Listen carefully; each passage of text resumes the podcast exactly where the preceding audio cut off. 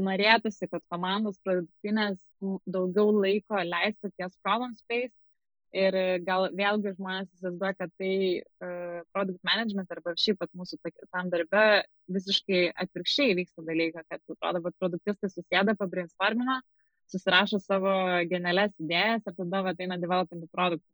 Tai iš tikrųjų tas, čia, čia būtų gal toks solution space ir aš jį labai taip gal jokingai nupiešiau, nes iš tikrųjų taip dalykai nevyksta tiek, tiek to brainstormo, bet pagrinde tas problem space iš tikrųjų turėtų būti fokusas ir, ir ką tai reiškia, tai reiškia, kad mes bandom išsiaiškinti tam tikrais įvairiais būdais, kodėl iš viso reikia spręsti šitą problemą.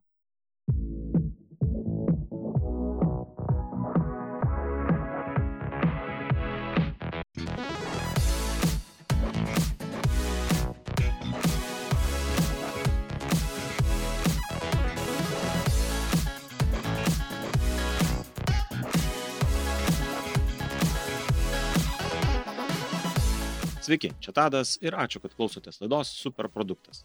Šį kartą teminė laida apie Product Discovery. Ko gero vienas svarbiausių produkto vadovų ir visos produkto komandos veiklų. Apie tai kalbinsiu Dominiką Ragauskaitę, Vinted Director of Product Management and Growth. Beje, apie Vinted esu kalbėjęs su Modestu Trusa. Būtinai paklausykite, jeigu norite sužinoti, kaip atrodo Vinted iš vidaus. Nuorodą rasite šio epizodo aprašymę. O su Dominika aptarėm, kas yra Product Discovery ir kodėl to reikia, iš ko susideda, kokias technikas e, naudoti šiame darbe ir taip toliau. Manau, kad gavosi labai išsamus ir detalus pokalbis. Linkiu gero klausimus. Labas, Dominika. Labas, Abi. Pirmiausia, tai labai ačiū, kad sutikai pasikalbėti. Žinau, kad dienotvarkė įtempta, turi daug veiklų, ne tik tai darbuose, bet ir, ir po darbų, ir, ir kursas čia, vat, product management ne už kalnų yra, tai viena iš iniciatorių esi ir, ir, ir lektorė, tai visko daug. Tai, tai jo, labai ačiū, kad, kad radai laiko to. Kaip ir šnekėjom pradžioj, prie, prieš, prieš įrašą, fokusas bus apie product discovery, kam to reikia, tai toksai bus labai instrumentinis tikriausiai pasikalbėjimas, detalus, tai apie Vinted patį nekalbėsim, klausytojams aš esu su Modestu šnekėjęs, tai galim, galima susirasti tą įrašą, suprast, kaip, kaip Vinted, kaip organizacija veikia ten, ten detaliau apie tai. Čia mes su, su Dominika pakalbėsim apie Product Discovery, kas tai yra, kam to reikia ir taip toliau. Bet prieš pradedant galbūt tiesiog klausytojams tokį kontekstą, trumpai apie pačios karjerą, kaip jinai atrodė, kokia kelionė iki Vinted. Taip, tai dar kartą labas Tadai ir, ir visi, kurie klauso šiandien ar kažkurią kitą dieną. Trumpai apie mane, esu Dominika Ragauskaitė, uh, iš tikrųjų užsienį praleidau labai ilgą laiką savo gyvenimo. Išvažiavau po mokyklos studijuoti į Olandiją, tam baigiau tarptautinio verslo studijas ir tada kažkaip susidomėjau marketingu. Tai išbandžiau labai skirtingas marketingo sritis, viskas buvo orientuota ties digital marketingu. Uh, Ir taip, padirbus keliose kompanijose, aš nusprendžiau pradėti savo karjerą Amazon kompanijai. Ir tuo metu, kai, kai dar Amazonas kūrėsi, čia buvo, man atrodo, 2015 metai, kažkas tokio, tai pradėjau dirbti marketing managerę. Ir, ir tuo metu marketing manageriai tam pačiam Amazonė darė labai daug skirtingų dalykų. Ir to marketingo galbūt negi vienu metu liko mažiausiai, ką mes iš tikrųjų tuo metu darėm. Ir prasidėjo visas projekt managemento pasaulis būtent per marketingą Tai prasidėjo visas darbas su developmento komanda, su, su verslo partneriais. Tai va taip aš ir sudomėjau to product managementu, po to jis tobulėjo iš tikrųjų ir tam pačiam Amazone, jau skiriasi skirtingas rolės grupės.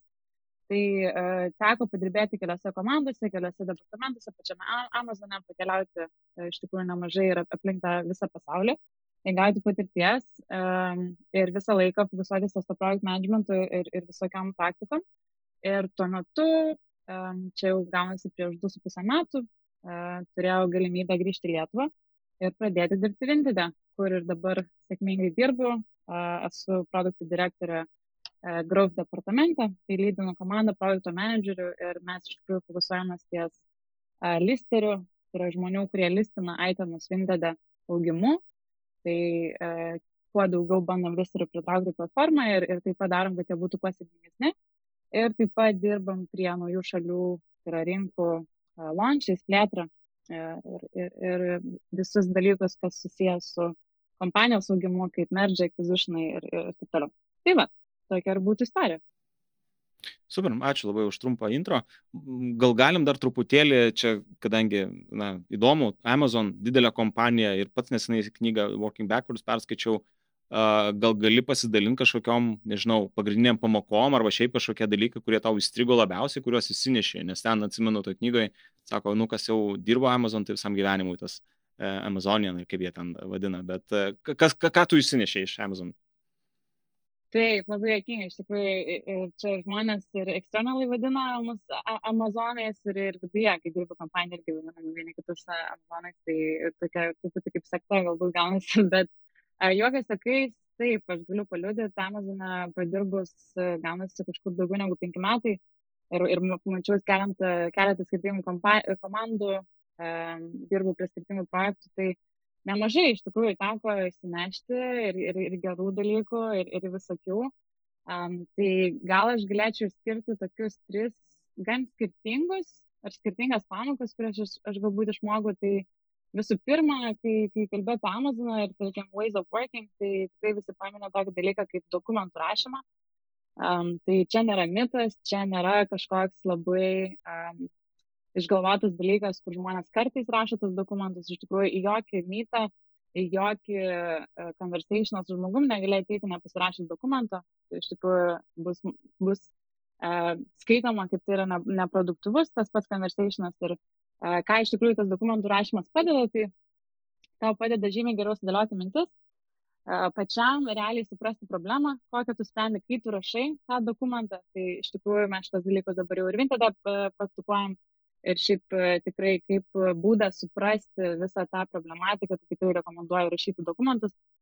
Um, tada kitas dalykas, gal galiu paminėti, kad šiaip Amazonas gal, gal žmonės galvoja apie didžiulę e, korporatyvi įmonę, tai gal ten viskas labai lietai juda, um, bet e, yra ways of working sukurti tokie, kurie būtent fokusuojasi ties greičiu. Tai greitis iš tikrųjų toje kompanijoje yra viskas. Um, tai sugebėjo kompanija, negi tokiam dydžiui, kokiam dabar yra, kurti tos procesus, kurie leidžia greitai priimti sprendimus, kurie leidžia greitai judėti priekį, nes iš tikrųjų žaibiškai e, auga visas competitionas aplink Amazon ir, ir, ir visą laiką kompanija buvo tuo aware ir, ir būtent taip pat ir prisitaiko, tai yra žaibiškai greičiau reaguojant į viską, tiek vidiniais procesais, tiek, e, sakyčiau, savo marketingu ir kitom taktikom. Ir paskutinis dalykas, iš tikrųjų, gan įdomus, e, sakyčiau, kurio aš ne, nemačiau galbūt tiek daug kitose įmonėse, bet Amazonė neleidžia tau žmonės lyginti uh, Amazonas kompetitoriais. Tai, pavyzdžiui, kaip tu irgi, viena iš tipinių praktikų product management yra daryti tą tokį competitor research, ką kiti daro, žiūrėti, lyginti, matyti gal, galbūt kažkokį piešti Marstarą, ko mes siekiam pagal tam tikrus kitus kompetitorius.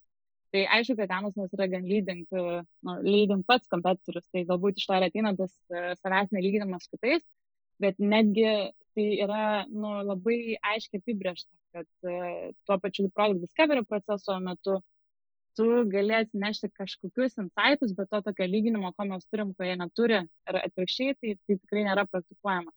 Ir reasoningas iš tikrųjų yra iš to ateina, kad nu, inovatyvumas turėtų ateiti ne iš kažkokio comparisino, o iš esmės iš vidaus uh, problemų sprendimo. Tai va toks labai įdomus apraučias iš tikrųjų, nes aš to kažkaip taip pat griežtai implementinto nemačiau niekur kitur raportavimo so far. Labai įdomu, nes čia ko gero tos customer obsession, kur yra tos ky, ko gero dalykas pas Amazon, ne, ir tada kaip ir logiška lygtais, ne, tu per įsigilinimą į, į žmogų, į kliento problemas, e, jo lūkesčius, iš, iš to inovaciją darai, negu, negu kažkaip tai pažiūrėti, kas yra rinkoje. Labai įdomu. O jeigu dar trumpai palyginti Vinted ir Amazon, tai vad minėjai tuos dokumentus, ne pradedat daryti vis daugiau, ar dar yra kažkokių tai praktikų, gal šiaip per palyginimą kažkokį, nes organizacijos, na, nu, aišku, mastai skiriasi, bet vis tiek Vinted didelė organizacija, Amazon taip pat, ar yra kažkokių tokių dalykų, kurie, na, esminiai tokie skirtumai, panašumai. Mhm. E, taip, iš tikrųjų yra ir tų panašumų, yra ir skirtumų. Aš galbūt kalbėsiu iš tos project management perspektyvos labiau, kas, kas galbūt aktualu šiandienai.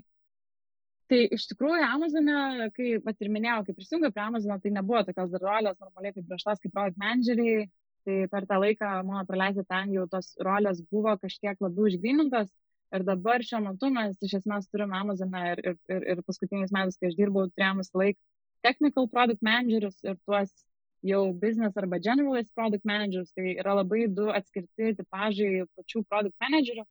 Ir jie skiriasi tuo, kad technical product managers iš tikrųjų dirba su developmento komanda, rašo visus reikalavimus ir dažniausiai tai tampa buvę developeriai, tai žmonės, kurie labai puikiai supranta visą inžinieringo infrastruktūrą, kodą, gal, gal irgi ne, ne, nemažai kodą pačiame gaudasi.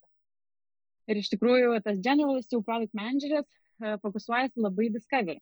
Tai vat technical product manageris labai uh, skirtas yra delivery procesų užtikrinti, o jau generalist product manageris uh, fokusuojasi į discovery ir tas discovery irgi yra kažkiek panašus į Vintedo ir aš šitą vietą galėsiu daugiau pakomentuoti, bet kuo aš sakyčiau, kad skiriasi tas pats Discovery arba darbas project managerio, tai keliose dalykuose. Vienas, kad tas Discovery yra nemažai susijęs Amazonas su verslo problemų identifikavimu, ne tik, kad produktų optimizavimu, bet yra naujų, naujų opportunity kažkokių kūrimo apart egzistuojančio projekto.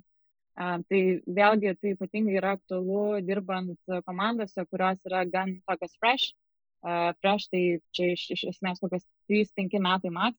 Jau aš nekalbu apie retailą arba marketplace, tą patį Amazon, ten jau yra labiau optimizavimo darbai.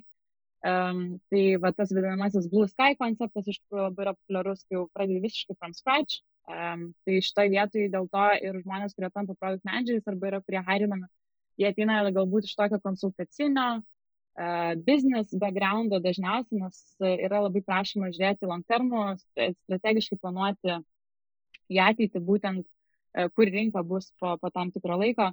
Ir pats product manageris vis laik ir daro rinkos research, tai yra market research, nėra, kad labai aktyviai dirbtų su product designu šito vietu, šiaip yra gan įprasta. Bet pats produktistas iš tikrųjų yra reikal, nu, reikalavimo iš jo būtent tą turėti tokį strategic point of view.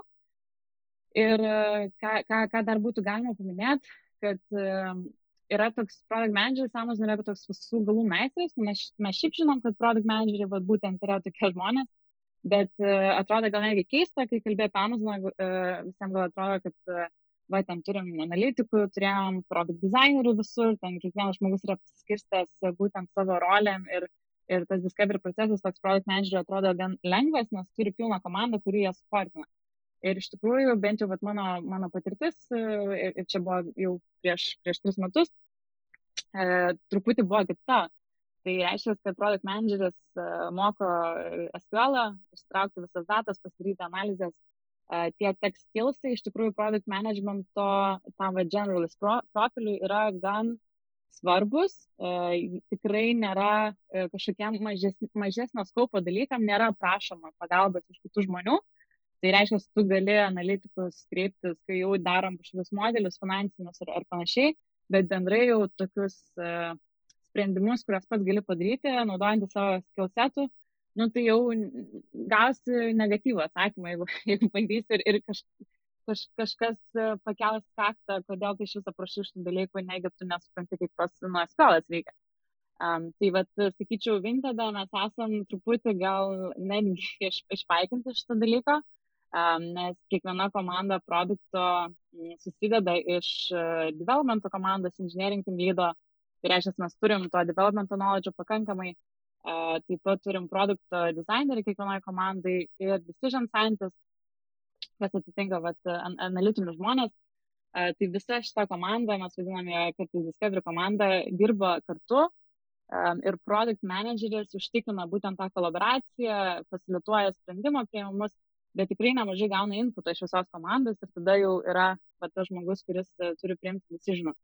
Um, tai va šita gal tokia single, uh, single maker uh, decision responsibility, tai yra Amazonė, kur pats visus inputus susirinki, pats viską padarai ir, ir, ir tada jau rekomenduoju proposalą uh, versus Vintada, ką mes, ką mes turim, tai tikrai didesnė kolaboracija yra ir tas co-creationas yra labai labai svarbus principas, kurį mes akcentuojam kiekvieną dieną Tai va čia, sakyčiau, yra tokie gan pagrindiniai skirtumai. Ir tas pats produkto discoveris iš tikrųjų gan nemažai keičia, nu, skiriasi, jeigu vat, nuo, nuo tos pačios kompanijos ir tų principų, kurie yra akcentuojami.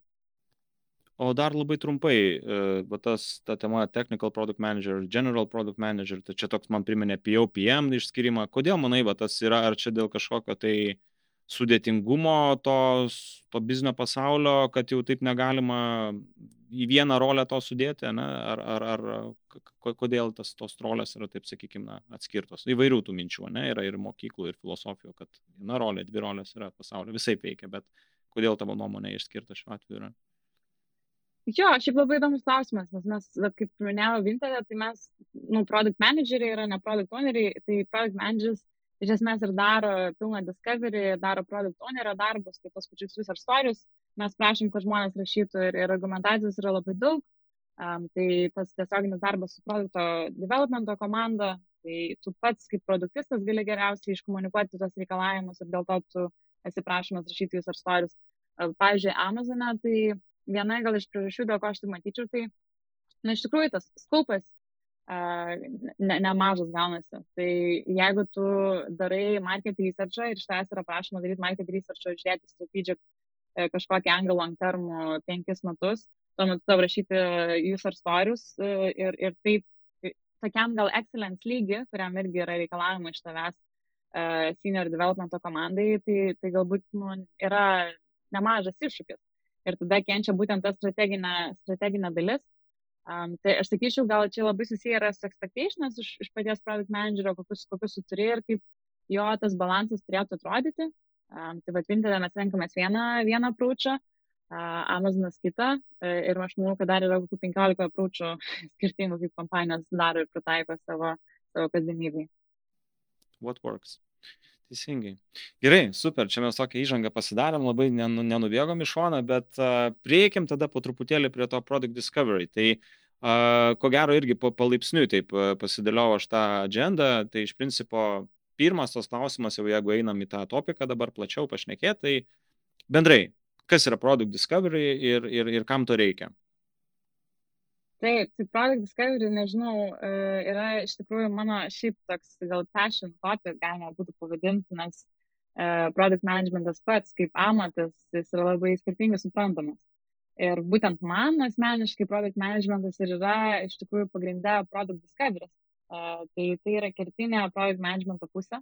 Ir tas Product Discovery yra nu, ne, ne, gan komplikuotas, ilgas procesas, uh, kuris mums iš tikrųjų padeda surasti visų pirma problemas, kurias reikėtų arba yra verta spręsti ir taip pat sprendimus, kuriuos, kuriuos verta kurti. Tai yra dvi, du dalykai. Tai būtent reikia identifikuoti problemas, kurias tu nori spręsti ir tada judėti link sprendimų, kurie irgi verti yra to, to, to, to kūrimo. Tai pati esmė, bet aš paminėjau tą žodį vertė, čia turbūt yra tas skirtinis keywordas, Tai reiškia, kad e, product discovery mums yra atneša tą vertę dalykų, mes, į kuriuos mes investuosime ateityje. Tai be jo, iš tikrųjų, va, kaip tu klausai, kokia yra vertė paties proceso, be jo mes ne, neturim kažkokio pasitikėjimo lygio, ar tai, ką mes dabar developinsim su komanda, uh, kokius dvi savaitės, kokias tris savaitės, du mėnesius ir panašiai, tai iš tikrųjų bus ta didžiausia vertė, kurią mes galim kurti vartotojui. Ir kai, kai kompanijos iš tikrųjų užsisuka va šitame dalyke, kur negalvoja apie tą uh, ga, galutinę vertę, o fokusuojasi būtent į produktų arba feature šipinimą, tiesiog va, kaip skaičiaus šipinimą arba uh, būna dažnai toks uh, approachas top-down, pasakoma tam tikri dalykai, kurie žmonėm atrodo, kad tai reikėtų developti.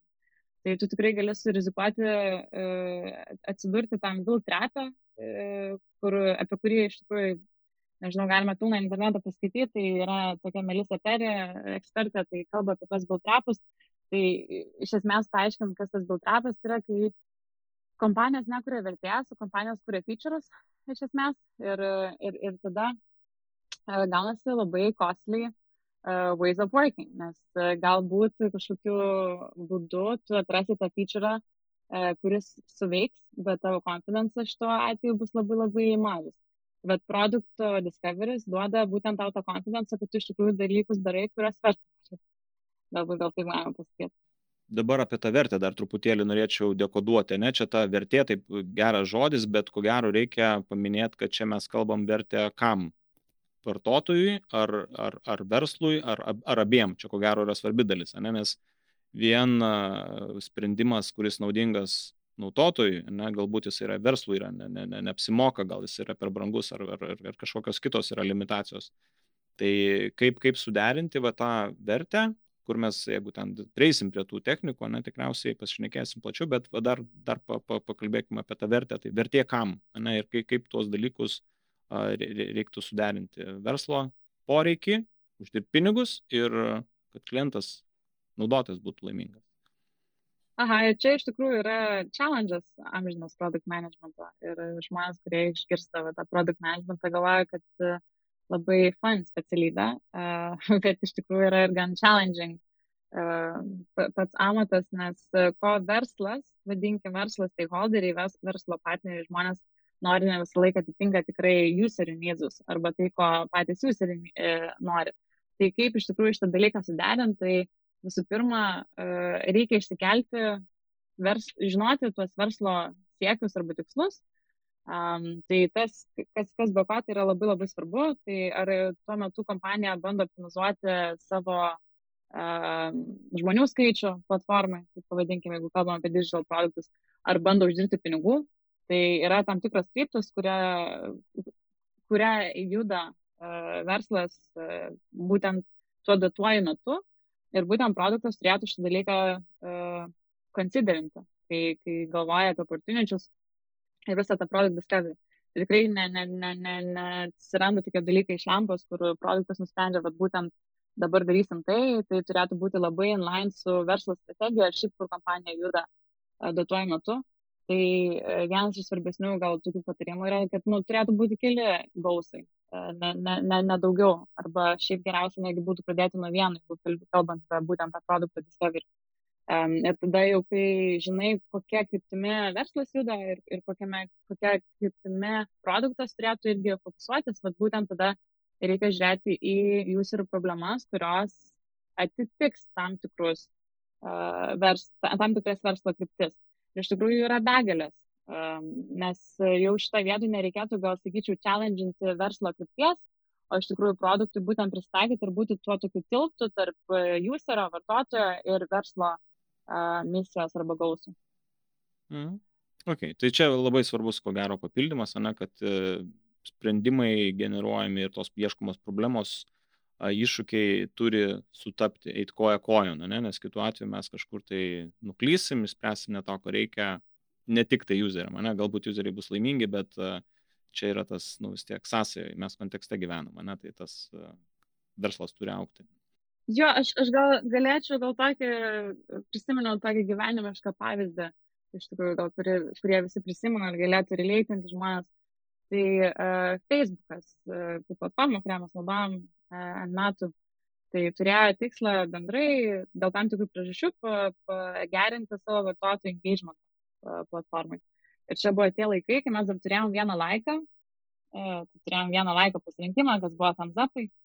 Um, tai sugalvoja, kad mums reikia didesnį engagementą nu, kompanijai. Ir tada produkto organizacija būtent ties to gausu, kaip painkaisinti engagementą userių.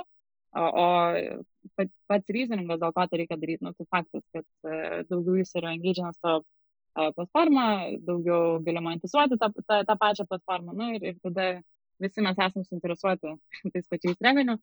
Um, tai vat, šitoje vietoje projekto uh, kompanija, organizacija, komanda uh, Facebook'e nusprendė, kad uh, vien thumbs upu, tai yra vien tais laikais, tu iš tikrųjų engagemento normaliai nepakelsi, nes uh, tai leidžia tik tai reaguoti pozityviai į tam tikrus postus, ta, į tam tikrą kontentą. Ir ką tai reiškia, kad tai limituoja tam tikrą engagementą userų su platforma. Um, ir būtent tai buvo solutionas, kad uh, išplėsti tą emoji emocijų kiekį leidžiamą platformą ir tuo pačiu metu tu inkreisini patį kontentą, uh, kurį galima kelti ir apie kurį galima kalbėti. Ir tai inkreisini vartotojų engagementą. Tai čia toks labai geras, sakyčiau, pavyzdys, kai uh, kompanijos gausas labai atitiko produkto kryptį ir, ir buvo surastas toks greitas sprendimas, kuris tiek vartotojus engagino, tai vartotojus padarė happy, nes tai increasino communication savo platformą ir dabar žmonės gali tiek juoktis, tiek verti pačioje platformoje, ne, ne, ne, ne tik juoktis. Taip ir verslo gausai buvo achievinti, nes uh, didesnis engagementas lydina didesnę monetizaciją paties Facebook. Mm. Super, jo, tai va čia tokia, kur, kur yra ta sąsaja, ne? Jo. Dar prieš perinant uh, į, į tą jau product discovery, ten detaliau dalykus, dar ko gero reikėtų paliesti irgi dažnai kartu girdimą žodį product discovery ir product delivery. Ir čia tada ten atsiranda, galbūt apie tai daug ne, neišsiplėsim, PMS, PO, būna, ne, čia, bet, kaip minėtam pavyzdį dar pas jūs yra tas ta viena rolė, bet uh, kokios yra sąsos dviejų šitų, nežinau čia kaip pavadinti savokų, tokių, ne, product discovery, mes ieškom problemų sprendimų ir product delivery tada atsiranda dar. Tai dar trumpai tiesiog ne pagrindinis topikas, bet tiesiog, kad už, užbriežti tam tikras, na, pokalbio ribas ir šiaip kontekstui. Taip, tai product discovery, product delivery eina tas hand in hand. Iš tikrųjų, pats product development ciklas jis laik turi susidėti iš discovery ir delivery ir šitie dalykai optimalu, jeigu jie būtų daromi at the same time. Tai reiškia, kad kai jau vyksta kažkoks produkto delivery, tu jau pradedi kitą produkto discovery. Nes uh, taip pat išlaikus tą tokį dual tracką mes vadinam, um, tu gali užtikrinti, kad ir developmento komanda pastoviai uh, nu, dirba prie kažko ir, ir kuria būtent tą vertę, um, tiek ir mes ieškom vis geresnių sprendimų. Tai pats product managementas yra būtent tas procesas, kur mes pastoviai turim optimizuoti, mes pastoviai turim turėtų ką veikti, iš tikrųjų. Um, tai va tas product discovery ir product delivery eina hand in hand, kaip trekai. Tai product discovery iš tikrųjų mums padeda nuspręsti, ką mes, ką mes developinsim ir kodėl mes tai developinam. O jau product delivery fokusuojasi būtent ties to pačiu developinimu ir užtikrinimu, kad tu tą gerai darai. Um, tai jau čia kalbant apie techninius reikalavimus, apie timely delivery, apie quality delivery ir, ir panašiai. Ja. Čia ko gero vat, ir svarbu pasakyti, kad, ne, kad product discovery nėra kažkoks vienkartinis veiksmas, ne, kurį mes vat, padarėm discovery dabar, nu ir einam ten deliverint, ne, kaip sakykime, kažkokį, vat, supratom klientą dabar va čia per, per mėnesį ir, ir tai tas e, continuous, ne, tas, kur keičia tas dual track agile, tas toks principas e, tų dviejų tokių trekų, ne, darbų yra tikrai, tikrai labai geras. Aha, ir tu šiaip visai gerai paminėjai iš tikrųjų, nes E, bendrai va, žmonėm, kurie, kurie gal domisi to pačiu product management. Aš neseniai kalbėjau su, tokia, su, su moterim iš Women Go Tech, aš mentoriauju kartą šitą programą, tai um, jinai klausėsi manęs ir, ir tokia buvo labai nustebusi, ką aš pasakoju apie vat, būtent tą product development ciklą. Ir, ir komentaras susilaukiau iš tikrųjų labai gal teisingo šitą vietą, kad, nu, jūs iš tikrųjų esate gal perfekcionistai netgi visi, nes jums visą laiką atrodo viskas negerai. reiškia, kad niekada nebus to finišo tiesos, reikia nusipirkti šitam apraučiui, kad e, visgi product managementas ir tas product discovery delivery procesai, jie yra continuous um, dalykai. Tai tu iš tikrųjų visą laiką ir optimizuosi, nes uh, dėl, dėl ko tai vyksta ir dėl ko to reikia daryti, dėl to, kad na, pasaulis keičiasi, jūs ir keičiasi, jūs ir miestai keičiasi. Tai uh, vienas iš tų reikalavimų būtent yra neužmigti ant laurų. Tai labai galima pritaikyti product managementui, nes uh, pagalvosi, kad tavo feature'as veikia ir, ir, ir, ir pamirši tai ir po, po dviejų mėnesių jis jau ir nebeveiks iš tikrųjų. Tai irgi galim, nežinau, galvoti apie didžiulės kompanijas, tą patį Spotify arba Netflixą, tai Netflixas kaip kompanija, jie pradėjo iš viso visą šitą savo verslą siūsdami DVD per paštą. Uh, tada prasidėjo streamingas ir prasidėjo netgi filmų produkcija. Tai iš tikrųjų tai vat, būtent labai geras produkto managemento uh, Discovery ir Delivery pavyzdys, kai prisitaiko prie tam tikrų customer user needsų ir market product fit, product fit, fito. Tai e, šitą vietą iš tikrųjų reikia tą suprasti, kad e, tai visą laiką e, product managementas yra apie tą continuous improvement.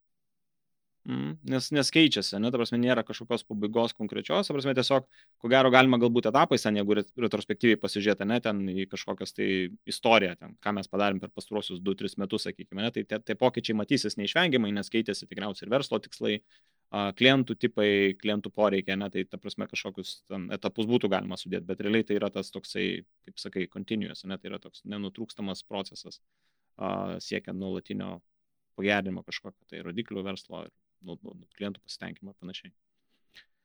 Uh, ok, aš galvoju, galim tada galbūt po truputėlį perėdinėti prie tokios konkretikos, tik tai gal man iš, iš mano pusės šitas bus komentaras, kad mes kalbėsim apie product discovery, na, iš principo tą, kur ir sakėm, continuous. Šiaip pats product discovery dar yra toksai, kur, na, kaip tu sakei, blue sky, ne, kur mes, sakykime, dar nežinom, bet norim kažką tai naujo atrasti, tai čia, ko gero, principai gali būti panašus ir pritaikomi, tiesiog, na, kai yra produktas, kurį mes jau pažįstam ir apie tą continuous discovery, kai išnekėsim, tai truputėlį galbūt jisai tiesiog, na, kitoks bus negu tas initial, sakykime, mane, kur daugiau bus betingo, daug, daugiau nežinom, nežinomybės, neapibrieštumų kažkokių tai, bet principai, ko gero, gali būti pritaikomi, aš taip įsivaizduoju, ne? Jo, gali būti pritaikomi, gal vieną dalyką išskirčiau bendrai, galvojant apie to jau pilnai naujo produkto kūrimą, tai labai svarbus yra tas market product fit tai žingsnis įsivertinti, nes tu jau to market product fito tikrai ne, nežiūri kiekvienam feature'ui, čia būtų klaidinga tik manyti, kad mums reikėtų žiūrėti, nes pagrindė optimizuoja jau produkto tam tikras dalis, bet patį produktą jau esi įstikinęs, kad iš tikrųjų veikia tam marketui, kuriam tu jį ir kūrė, tai bendra tokia taisyklė yra 40 procentų turėtų žmonių um, pasakyti, kad jiems reikia to produkto, po to, kai tu, pavyzdžiui, pasileidai kažkokį MVP. Tai va, tokiu atveju gali išsakyti, kad va, matau kažkokius ženklus jau produkt market fito, jeigu mano audiencijas, tai yra kiam, kiam procentų žmonių sako, kad tas produktas yra naudingas. Tai tokio gal stepso nepritaikęs kiekvienam product discovery um, variantui, sakykime, tai tam, va, tam continuous improvement tikrai ne, būtų bereikalinga tą daryti, bet va, jeigu kalbam apie naują produktą improvementą, Tai šitas žingsnis yra tikrai be galo svarbus prieš jau einant į tą continuous product improvement. Super. Čia labai geras komentaras, tas product market fitas, jo kitok, kitokios veiklos bus tikriausiai apskritai kompanija kitaip e, veiks, ne, ir, ir stadija čia kompanijos būt, uh, ko gero bus e, kitokia, negu jau kai jau yra su, surastas tas, ne, tas atitikimas vertės uh, klientam ir verslo pasiūlymas, ne, tai tada tiesiog yra jau galbūt kiti tikslai pagerinti, daugiau aukti, va, kaip ir minėjau, už, už growth dalį atsakinga, ne, tai kaip, kaip plėsti, skailinti ir taip toliau. Bet čia jau kit, kitos, kitos temos. Uh, gerai, pereikim tada galbūt jau prie to tokios, na, instrumentinės dalies, taip vadinkim, uh, ne, tai tos product market, minėjai, yra tos dvi, dvi dalis, problem space ir solution space. Ar galėtum truputėlį praplėsti, kaip, kaip tos dalis tarpusavį susiję, nuo ko prasideda, na tai bendrai ir paskui tada perėtume galbūt prie kažkokių tai konkretesnių tokių technikų aptarimo, pavyzdžiui, ne? Taip, tai problem space ir solution space, aš vėlgi turiu savo personal favoritą, tai mano atveju tai būtų problem space. Šiaip iš tikrųjų norėtųsi, kad komandos produktinės daugiau laiko leistų ties problem space, Ir gal vėlgi žmonės įsivaizduoja, kad tai uh, product management arba šiaip pat mūsų tam darbe visiškai atvirkščiai vyksta dalykai, kad atrodo, kad produktistai susėda, pabrainstormina, susirašo savo genialias idėjas ir tada va, eina developinti produktą.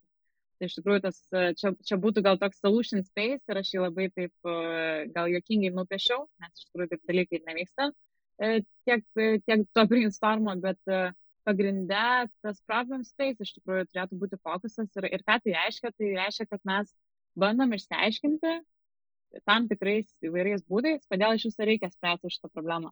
Tai tas toks labai aiškus yra Simon Sinek pasakymas start with the why. Tai šitoje vietoje, nu, kaip Dievą myliu, turėtų visi žmonės šitą dalyką įsimint, tai kad tuo būtent tam problem space e, etapu tu bandai susirasti kuo daugiau informacijos, kodėl iš viso man reikia šitą dalyką kreipti dėmesį.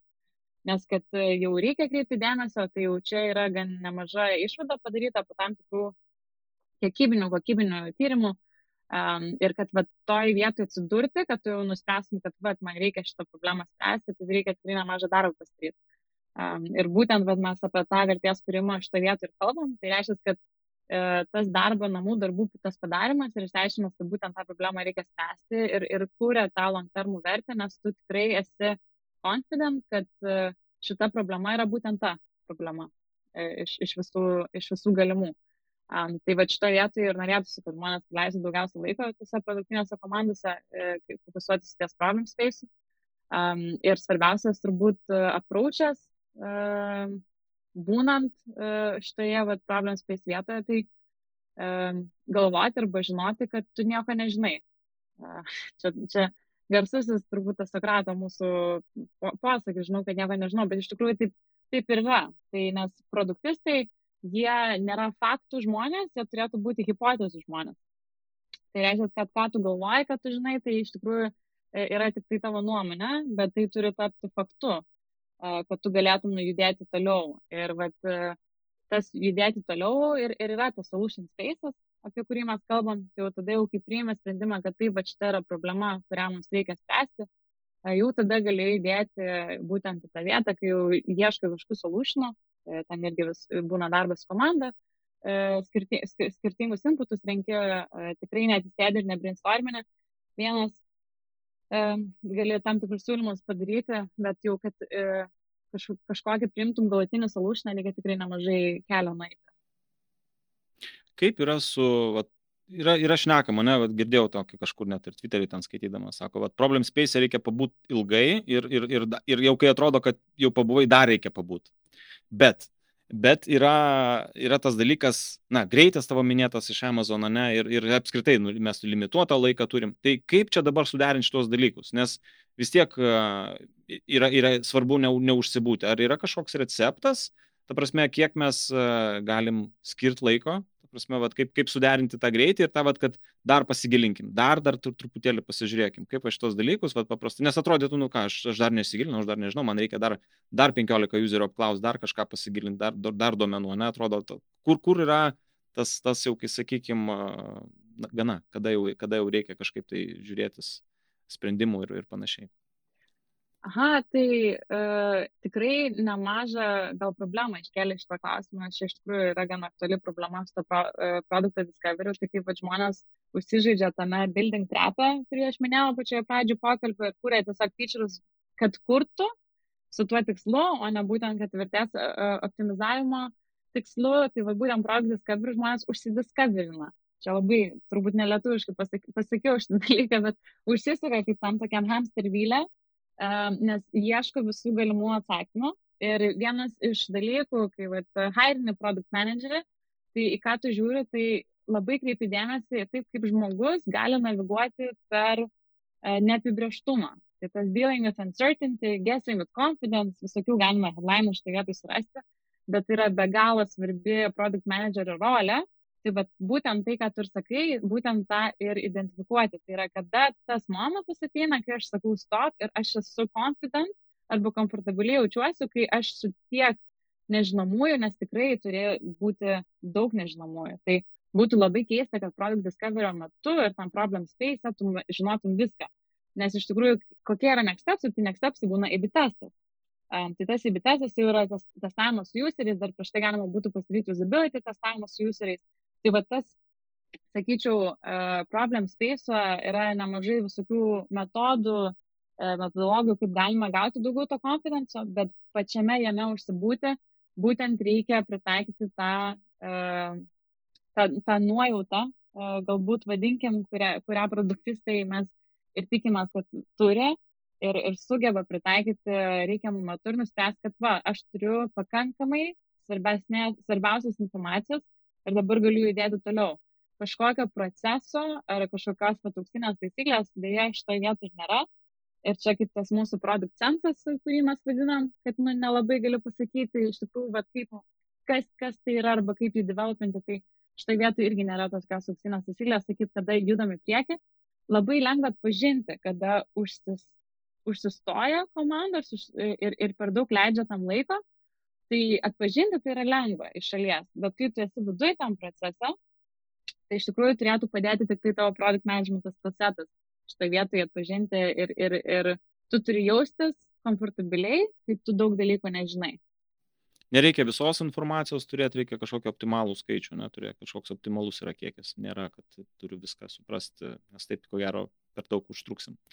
Minėjai prieš tai metodus, tai gal tada pakalbėkim apie vat, problem space ir tada kažkokias jau metodus, galbūt yra tavo kažkokie favorite būdai, jeigu taip galima sakyti. Ką paminėtum kaip tokio, kaip galbūt čia netgi ir, ir PM toolsetas kažkoks, ne, vat, jeigu mes kalbam apie problem space, tai kokie yra tie kertiniai dalykai nuo interviu, ten, nežinau, domenų analizės, ką pati paminėtum, ką, ką tikrai reikėtų nepraleisti, kokių e, žingsnių būdų. Ši, taip, tai šiaip paminėjai tų būdų kertinius dalykus. Tai vienas dalykas yra e, interviu su useriais e, ar kažkoks kontaktas su useriais. Nu, jis, jis iš tikrųjų yra privalomas. Ne, ne, ne, negalėčiau įsivaizduoti, pažiūrėjau, kai sakytume, kad mums absoliučiai nereikėtų šito dalyko daryti. Ne, tai ar, ar tu dirbi prie external customerio ir, ir žmogaus, kuris naudosis Vintedu, ar tu dirbi prie vidinių sistemų optimizavimo ir žmogus, kuris dirbs tam pačiam warehouse ir naudosis savo kuriamom technologijom, vis tiek bus tas useris, kuriam tu iš tikrųjų kuri tą produktą. Tai su kažkokiu žmogum, e, kažkokiu būdu, ar tai online, offline, e, reikėtų būtinai pasišnekėti, kad tu suprastum būtent tą problem space, nes iš kažkur jis ateina ir jis ateina iš userio. Tai va to grįžtamo ryšio su useriu tikrai turėtų būti. Um, Tai gal tokie mano mėgstami būdai iš to vietoje yra ir visokie qualitative ir ten quantitative surveys, bet uh, nežinau, gal čia mano backgroundas būtent iš, iš to digital projekto ateina, kad uh, labai mėgstu iš prototipų testavimus, bet tos tokius, kur ne kad jau yra sudevelopintas prototipas, bet kur žmonės iš esmės gali gal kelis mygtukus per tokį tūsą kaip Figma uh, paspaudyti, tai tikrai nėra uh, E, tas prototipas, kuriam reikia developmento laiko, tai reikia dažnai product dizaino laiko, bet jau imituoja tam tikrą experience e, ir, ir tu pamatai, kaip žmogus iš tikrųjų reaguoja e, į tam tikrą problematiką. Tai nebūtinai, kad čia aš kalbu apie solutioną, kurį developinu, bet netgi pa, pa, pažiūrėti, kaip žmogus interaktina su tavo produktu ir, ir kokias problemas identifikuoja, iš tikrųjų galima taikyti va, tos prototipų testavimus, researchus. Uh, um, tai va, tai š, š, šitie dalykai iš tikrųjų padeda Kitas, vat, ką tu irgi paminėjai, aš norėjau irgi pasakyti, kad, na, data pointai ir žiūrėti tos skaičius irgi yra būtina. Kur yra slidu šitoje vietoje, kad ne visą laiką turi tos data. Ir čia irgi vienas iš tų dalykų produkt managerių, kad tu turi būti uh, gabus priimti sprendimus, kai neturi tos pačios datos. Tai čia jau galim kalbėti apie tokias dalykus kaip nuojauta, uh, right product sense, decision making ir panašiai. Bet čia yra iš tikrųjų realus, e, realus pavyzdys, kai ne, ne, gali neturėti e, tų data pointų, gali, pavyzdžiui, kažkokią opportunity identifikuoti iš customer anecdote, tai to pačiu, e, tą, tą pačią praktiką mes kartais taikydavom Amazoną, dar, dar tais laikais, kai dirbu, tai uh, būdavo product portfolio, susidėliodavo iš tų tokių opportunity arba problem space, kur mes turim visą data backgroundą, mes žinom tiksliai, ką mes sprendžiam ir kita dalis būdavo, jinai aišku mažesnė ir tikrai mažiau užtikrinta e, ir success reitas iš tikrųjų tokių vat, problematikų būna mažesnis, e, bet irgi ateina iš to tokio customer anecdotes. anecdotes. Ir, ir, ir, ir tie customer anecdotes tai yra viena citata, kur žmogus pasako kažkokį feedback apie tavo feature, produktą e, ir panašiai. Ir tu jį pasiemi kaip pagrindinį iš tikrųjų problem space ir, ir, ir, ir gaidini save būtent tą citatą tai apie ją neturėsi daugiau duomenų, jinai būna kartais tokia labai orinė e, iš, iš, iš, iš žmogaus kažkaip tokios intuicijos arba kažkokios emocijos uh, paimta. Ir, ir šitoje vietoje reikėtų va, tą intuiciją ir pasikliauti, kai jau ieškai tam solution. Ir yra ir labai sėkmingų pavyzdžių, ir yra tokių, kur tiesiog e, ne, ne, nepasiseka. Tai čia irgi yra product management dalis. Um, jo, tai va šitos du dalykus paminėjau, uh, jie iš tikrųjų yra turbūt pagrindiniai, e, dabar galvoju. Um, šiaip ne, ne, nemažai, aišku, yra visų sprendimo būdų, bet, e, sakyčiau, uh, kalbėjimas su, su useriais uh, ir tos dėtos uh, žiūrėjimas, bandymas padaryti kažkokius uh, analizų uh, iš dėtos turimos tai yra tikrai crucial. Um, ir gal tiesiog gal būtų toks kaip patarimas, iš tikrųjų, bet kas atsitinka būna žmonėms, ypač kurie dirba su project managementu N metų, arba prie to paties produkto e, ypač dažnai būna, tai tie žmonės, kurie susirenka nemažai knowledge apie tą produktą, problem space, pradeda daryti prielaidas, e, kad va, tas knowledge, kurį jie turi, iš tikrųjų galima būtų, būtų jį pritaikyti visom future problemam.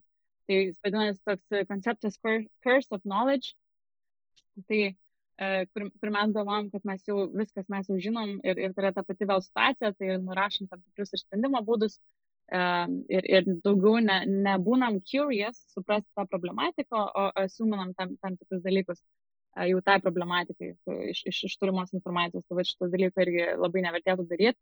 Ir tikrai, jeigu mes ir galvom, kad mes, mes žinom, tai vad vėlgi pasikartosiu, tai um, mes turim tik tai nuojautą arba nuomonės, bet tikrai ne faktus kiekvienam stepsam.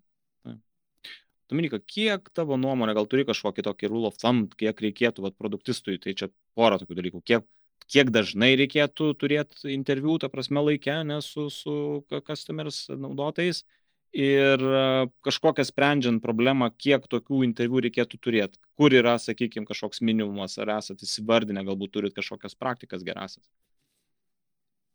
Taip, tai tokią rule of thumb, aš sakyčiau, gali prisiskaityti tam internete ir, ir, ir labai faina būtų, jeigu mes kiekvieną savaitę kalbėtume su useriais. Bet e, visų pirma, e, tai nėra labai ir easy padaryti, bet kokioje kompanijoje, kurioje tu esi, jeigu tu esi startupė dvi žmonių ir gali paskambinti savo draugui ir jį, jį traktuoti kaip userį, tai tada gal, gal ir būtų galima tą padaryti.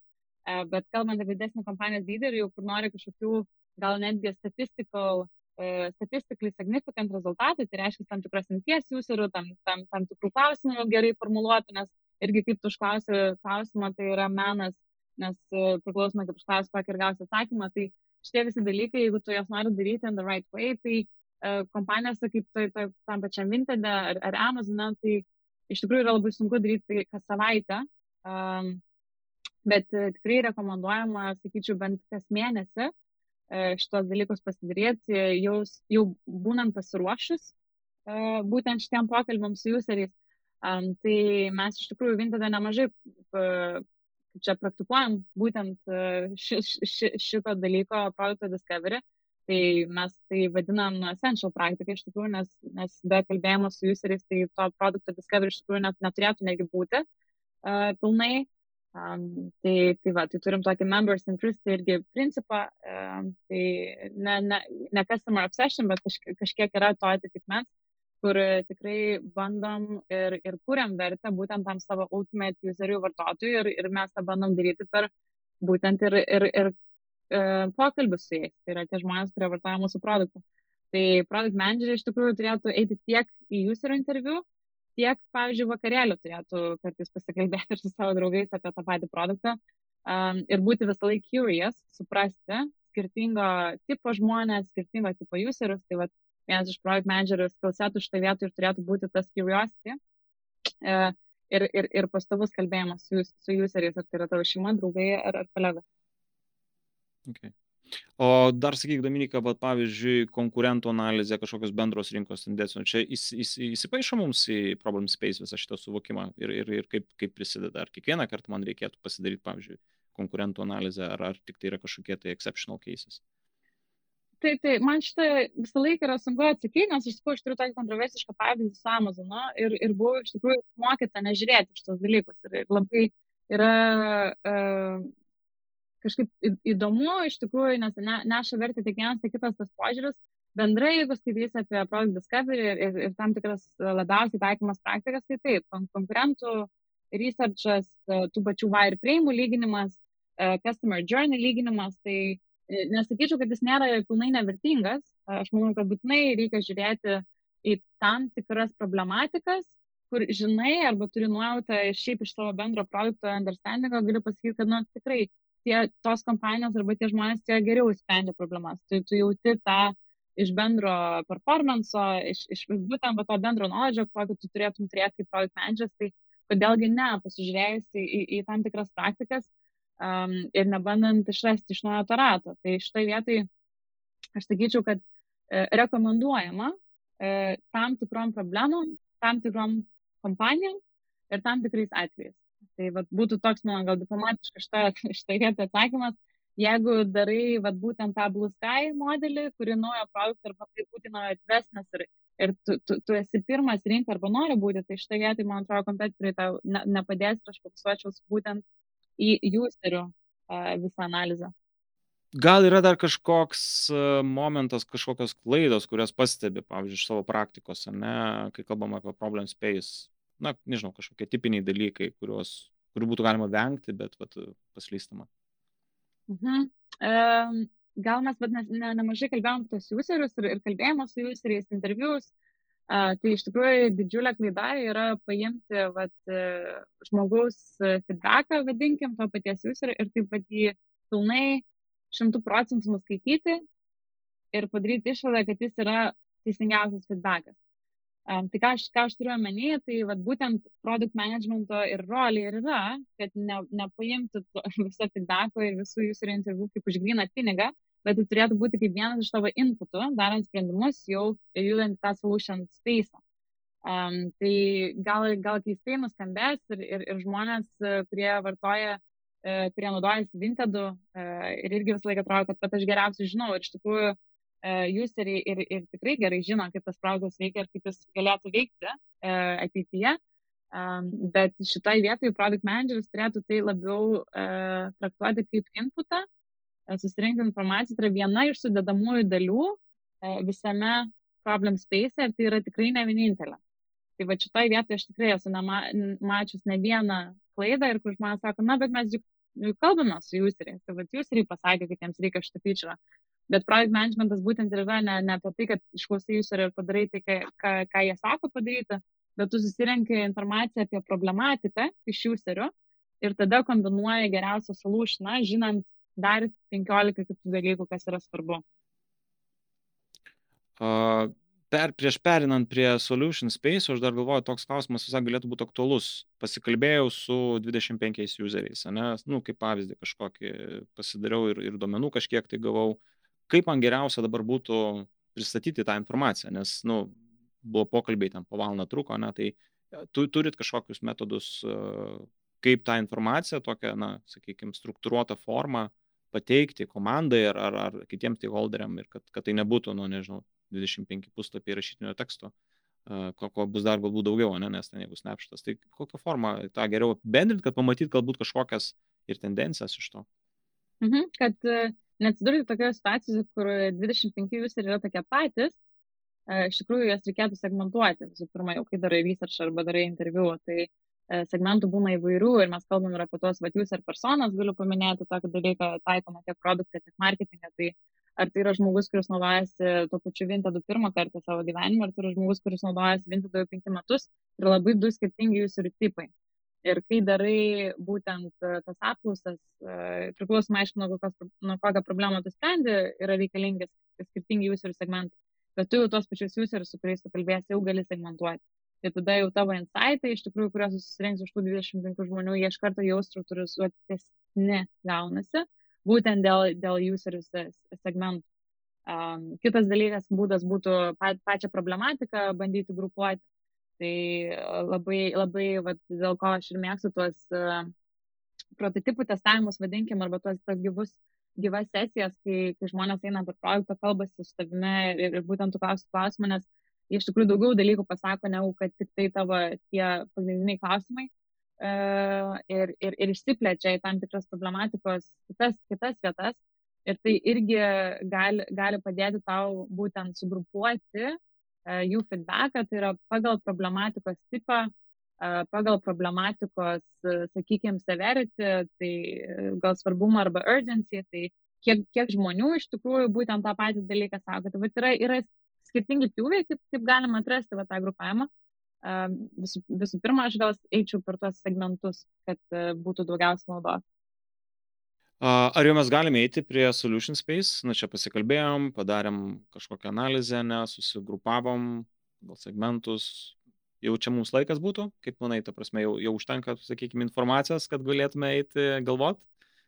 Uh, ką mes aptariam tokiu labai high level principu, gal, gal sakyčiau ir taip, ir iš tikrųjų, va, šitos stepsus padarę, mes gali būti, kad identifikuosim uh, visgi dar ne vieną problemą uh, ir reikės tas problemas dar kažkaip susiprioritizuoti. Tai iš tikrųjų yra, kuri, kuri ta, ta svarbiausia, ta opportunity, kuri yra svarbiausia. Tai va, šitoje vietoje yra frameworkų, tas pats an opportunity 3 visiems žinomas, kuris beje pasirodo, aš nesnei skaičiau, yra labai nesenas konceptas.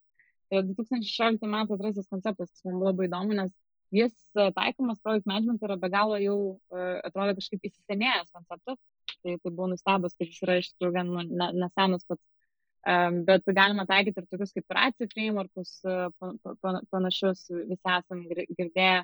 Tai iš tikrųjų reikėtų prioritizuoti tos opportunities uh, ir išsiskirti kelis, kad jau galėtum tiem opportuničiam jau solution development, nes irgi nenori būti tokia situacija, kur yra per daug dalykų, kuriuos reikia išspręsti vienu metu ir, ir čia yra kertinis project management principas prioritizacija.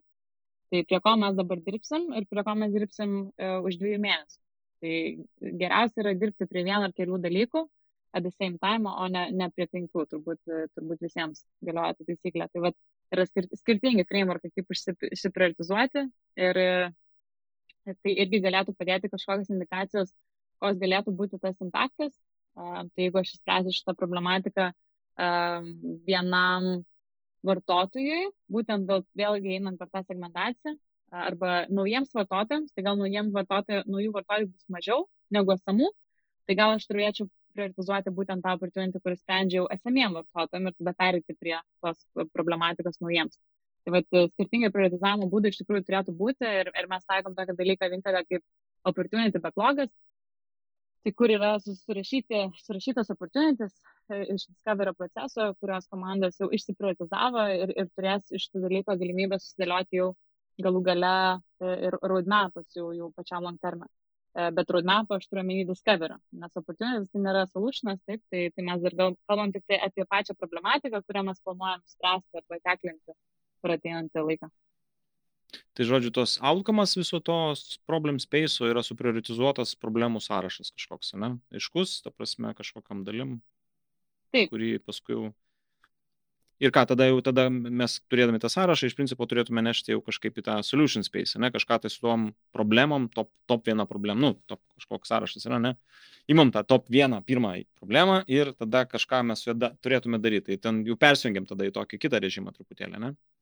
Aha, persijungiam kitą režimą ir šitą vietoje aš be galo rekomenduočiau visiems žmonėms prieš bėgant į solution space ir jau ten paaišant dalykus ant uh, sienų pasidaryti dokumentą ir gal visiems atsibodo šiuo tos dokumentus, kiek, kiek galima kalbėti, bet e, apsirašyti būtent tą problemą, kurią tu susiprivatizavai, tą opportunity, kurią tu atsakai, kad jau dabar galvosi, kaip pilnai išspręsti, tai tas apsirašymas iš tikrųjų padeda uh, suprasti ir jau bus gera labai pradžia patiems solutionam. Tai žmonės labai nuvertina būtent tą dokumentų rašymą arba prašymą dalykų, Nes kai tu rašai ir kai tu daliniesi tuo aprašu su kitais žmonėm, jiem kyla natūraliai klausimai. Ir, ir tie klausimai kyla, kurie gal tau pačiam nekyla. Ir, ir, ir tai yra labai gražu ir tai yra labai smagu, nes iš tikrųjų būtent rašydamas tą dokumentą, tai jau po truputį netgi jau yra į solution space, nes tam tikros idėjos ir tam tikros prielaidos jau kyla rašant, būtent, aprašinėjant būtent tą opportunity. Tai šitoje vietoje mes irgi Vinted vadinam tai opportunity briefu. Um, tokių dalykų. Šiaip ten būna visokių pavadinimų, ten business requirements document, galbūt galima kaž, kažkiek tai vadinti irgi. Uh, tai, tai skirtingų yra ten tų templėtų, ką, ką galima daryti, bet, nu, pati esmė yra, kad aps, apsirašai būtent tą opportunity, ką tu žinai apie šitą dalyką, kodėl tu išsipratizavai, ką tai sprendžia, tai tas why, what ir how, uh, iš tikrųjų yra kertiniai dalykai dabar, ta, ta, va, jau solution space pradžioje. O kaip yra tada su va, tos konkretaus, sprendimo paieška? Nes nu, problema gali būti gal kažkokia bendresnė ten, ne, vartotojai ten yra nepatenkinti kažkuo, ar, ar ten per, per ilgai trunka kažkoks tai žingsnis e, etape, ten fanelį kažkur, ne. Ir sprendimų tai gali būti įvairių. Tai čia dabar solution space dalis tikriausiai, ne, yra sugalvoti ir, ir kas vyksta tada, nu, aš, įsivaizduoju vis tiek pasibrainstorminsim, pasigalvosim ir ten turėsim 10 plus idėjų bet ne visasgi mes pradėsim jas e, daryti, nu, tiesiog fiziškai neįmanoma. Ne? Tai kaip, tada, kaip tada darot, kaip, kaip pasirenkat a, tuos konkrečius jau sprendimus problemom? Taip, tai šitoje vietoje reikia būti kūrybiškam gan ir, ir dirbti ties tokių dalykų kaip hipotezės. Tai vat, aš minėjau irgi pokalbio, pokalbio viduryje, kad uh, product manageriai nėra faktų žmonės, jie yra hipotezių žmonės. Ir ką tai reiškia, kad tu išsikeli tam tikras hipotezės, kurias tu bandysi adresinti su tuo solutionu. Tai tarkim, pavyzdys, noriu irgi sukurti, noriu, gal, gal vadinkim taip, noriu adresinti problemą, kuri irgi atsprendžia vartotojų padidėjimo vartotojų sumažėjimo problemą bendrai, nu, tai tarkim, mes turim problemą, kad vartotojų mažėja platformai dabar. Nu, čia tokia didelė, sakykime, problema. Ir aš dabar per tą visą problem space iš, išsiprioritizavau tam tikrus opportunities. Tai reiškia, ką aš galiu padaryti, kad šitie dalykai nebevyktų. Tai uh, opportunities gali būti paymentų kokį ten experience sutvarkyti, nes tai mes pamatėm, kad jau yra opportunities iš visų user interviu duomenų analizės ten ir panašiai. Uh, tai galėtų būti kažkoks kitas dar opportunity susijęs su member experience ir jo, jo gerinimu. Ir dabar, kai aš turėjau tą opportunity, tai kaip, mem, kaip pavyzdžiui, va, tą paymentų experience gerinti, tai gali būti be galo daug būdų. Um, tai uh, vienas dalykas, kas iš tikrųjų padėtų, tai va, būtent tą hipotezę išsikelti, tai ką, ką mes bandom dabar uh, būtent šiai dienai išspręsti ir išsikelti kaip hipotezę, nes pats, uh, pati opportunity, jinai gali turėti iš tikrųjų ne kelias hipotezes. Tai gali būti viena, viena opportunity ir gali būti trys hipotezės, kad mes tą opportunity arba rejectintume, arba validatintume. Tai čia yra labai toks įdomus gradual, sakykime, gradual gal procesas, kai tu turi keletą hipotezių, kurias tu arba validatinė, arba rejectinė ir jos vis tiek apie tą patį opportunity iš tikrųjų kalba.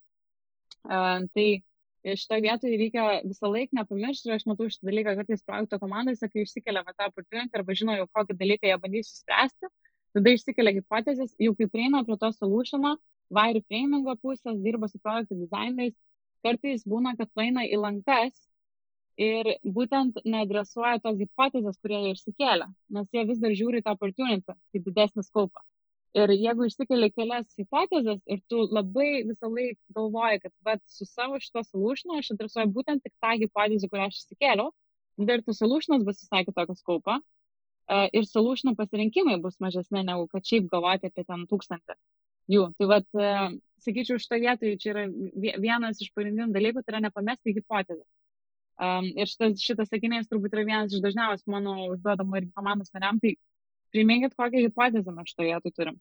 Ir, ir aš vis laik šitų klausimų klausiu ne dėl to, kad aš nežinočiau, nes parašyta tiesiai būna ekrane kokia hipotezė, bet kad žmo, žmonės irgi trigerintų pagalvoti, kad, ai, okei, okay, tai va čia šita yra hipotezė, kurią mes iš tikrųjų dabar um, bandom testuoti, tai reiškia, kad mūsų solutionas e, turėtų būti būtent apie tai. Neturėtų būti didesnis skupų, neturėtų ten inkludinti kažkokių featureų galų gale arba funkcionalumų, kurie nesprendžia ir netargetina šitos hipotezės. Čia yra be galo, be galo svarbus irgi produkt management e, e, dalykas, nes nuo to labai priklauso ir ta jau delivery dalis.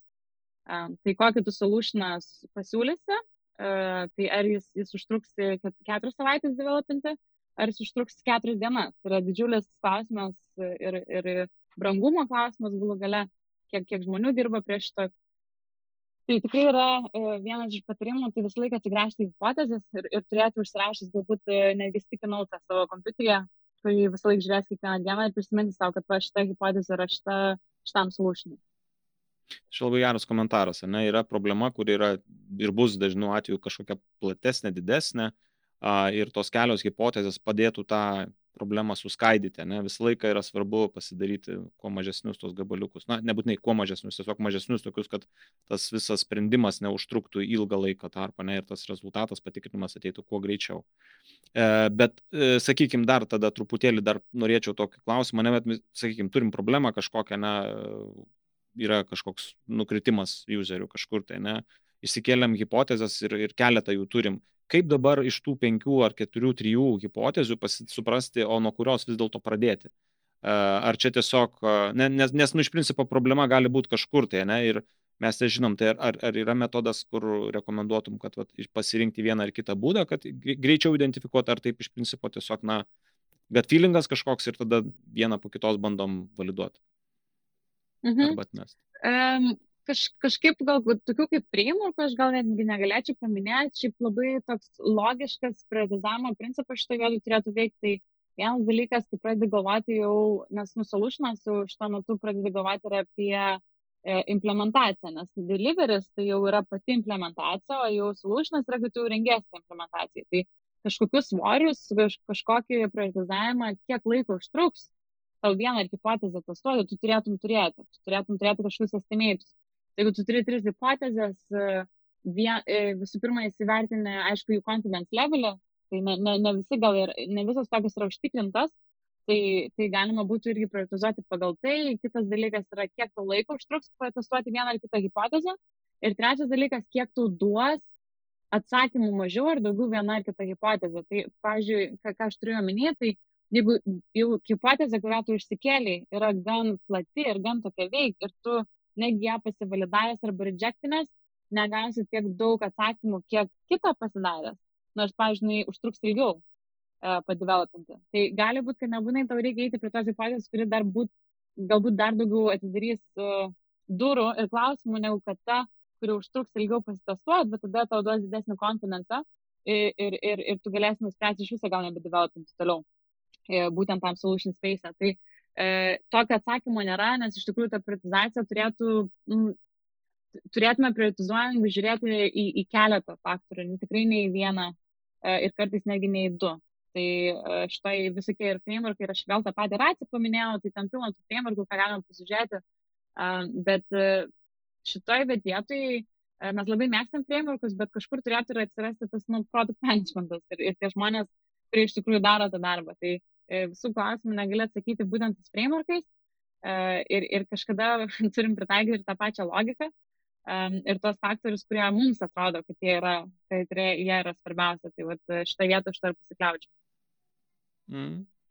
Tai ko, toliau, o toliau tas eina delivery dalis, ne, šiaip iš principo jau nebe, nebe skaupas šito pasikalbėjimo, tai ar, ar, ar teisingai sakau, kad iš principo, na, įsikeliam, apsirašom tada konkrečios kažkokius tai tiketus ten, kuriuos reikėtų pasirinkti, einam deliverint ir tada žiūrim, uh, stebim rezultatus tikriausiai, na, ir bandom paneigti, tai čia tas tikriausiai to solution ir yra pagrindinis, ne, outcomas pasižiūrėti, ar, ar, ar mes validavom arba paneigiam tą, tą hipotezę. Taip, tai užsiruošti delivery solution pabaiga turbūt būti tas vad užsirašymas delivery, tai jau ten rašymas pačių user story, jau, jau tu esi product manageris ir jau kai įsidedi tuos user stories į sprinto planavimą, vadinkim taip, tai jau susiplanuoja developeriai atsidėsim prie šito dalyko jau nuo ateinančios savaitės, tai jau čia, aš sakyčiau, yra oficialiai to deliverio galbūt pradžia. Žinau, kad žmonės skirtingai tuos procesus gal kažkaip trytina ir, ir kad jie neturi tokio labai aiškaus persidengimo.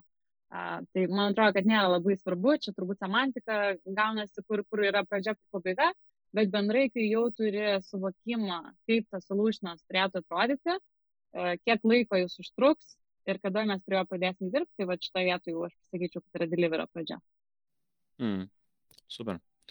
Tai nemažai aptarėm tikriausiai, ne? Aš mhm. sakyčiau, nuo viso to problem space, solution space, aišku, ne, ne, ne iki pačių detalių, ta prasme visko, bet bendrais brožais, sakyčiau, visai neblogas vaizdelis gavosi.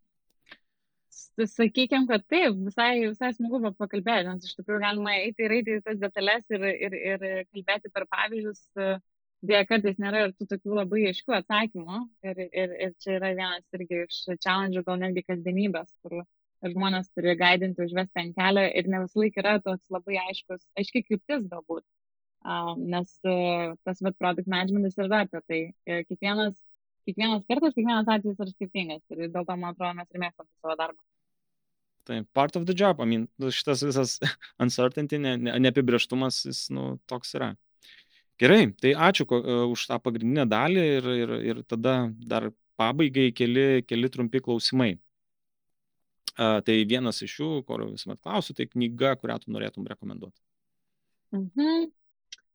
Taip, tai uf, čia toks, uh, galvoju, iš kurios operos šitą, šitą knygą pasirinkti.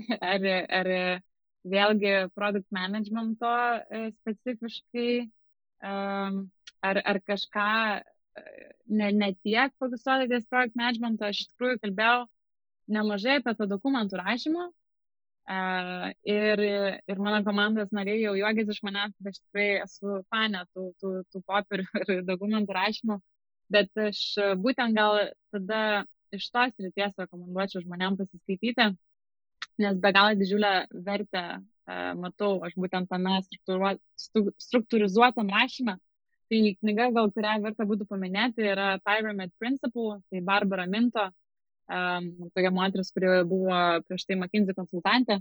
Jis yra parašęs knygą būtent pagal vat, frameworkus, kai jis ir vadina Pyramid Principle, kaip rašyti tą dokumentą, bet visa esmė yra ne tai, kad parašai gražų struktūrizuotą dokumentą, bet kaip tu struktūrizuoji savo idėjas, kaip tu įsivertini būtent visą turinį, kurį tu bandai iškomunikuoti. Ir, ir kas bet svarbiausia šitoje vietoje yra, kad rašydamas, tu pradedi po to ir šiaip geriau dėstyt mintis. Tavo storytellingas, kuris yra be galo svarbus product manageriai, tarp, tarp kitko, e, tikrai e, improvinasi e, ir, ir tavo tas minčių traukinys vadinamasis e, sulėtėja ir nėra toks padrikas, tai tu išmoksti ne tik rašyti geriau, e, pritaikydamas tam tikrus frameworkus, bet tu išmoksti ir, sakyčiau, kalbėti efektyviau. Tai, va, tai tikrai rekomenduočiau šitą knygą paskaityti, nes e, manau, kad e, būtų be galo naudinga bet tam, kas vat, dirba ar tai verslo srityje, ar šiaip produkt managementą. Super, struktūruotos mintis labai svarbu. Uh, antras klausimas, kokius įrankius naudoji kasdien savo darbę? Uh, taip, naudojam, naudojam Google Docs, šitas, šiaip aš esu Excelio fanatikė nuo senų laikų ir vis negaliu nuo to įnaiti, tai aš netgi savo darbus planuojuosi Excelį, kas šiaip project management specialistai pasakytų, kad čia yra labai lentinis mano pasirinkimas ir man tikrai nerekomenduoju šitą dalyką daryti, bet kažkaip, bet, kaip, kaip užsėdant Excelio, tai taip vat, ir negaliu daugiau kažko kito. Um, o šiaip tai manau, kad Figma, Whimsical, uh, tokie dalykai, kurie padeda irgi vizualizuoti mintis, vizualizuoti uh, idėjas, uh, yra naudojami tikrai kasdienybei uh, product management ir, ir būtent va, tam product discovery procese. Na ir paskutinis tavo klausimas, patarimas produktistams. Patarimas produktistams.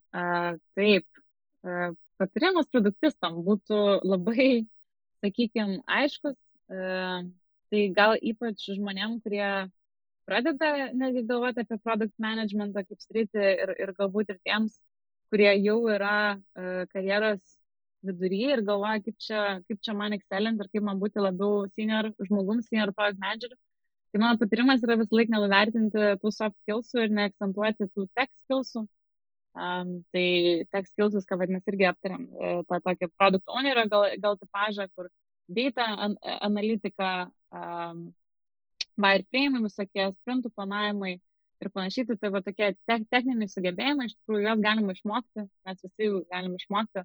Ir aš fokusuočiausi iš tikrųjų būtent tokių dalykų kaip produkto sense developmentas, empatijos developmentas, kolaboracija, stakeholder managementas. Tai va šitie dalykai, šitie skilsai iš tikrųjų padės ne tik suvokti geriau tą projekt management, jeigu tu pradedi dirbti šitoje srityje, bet tiek ir padės tau iš tikrųjų karjerai greičiau excelent, jeigu tu jau esi patyręs projekt manageris. Tai vat, e, mano patarimas visą laiką yra žmonėm, kad ne, ne užsisėdėti ties tais tech skillsais, o, o būtent žiūrėti į, į soft pusę ir, ir, ir kaip tu komunikuoji komandos viduje, kaip tu komunikuoji su žmonėm, su stakeholderiais ir su tais pačiais useriais. Tai būtent apie tai turėtų būti.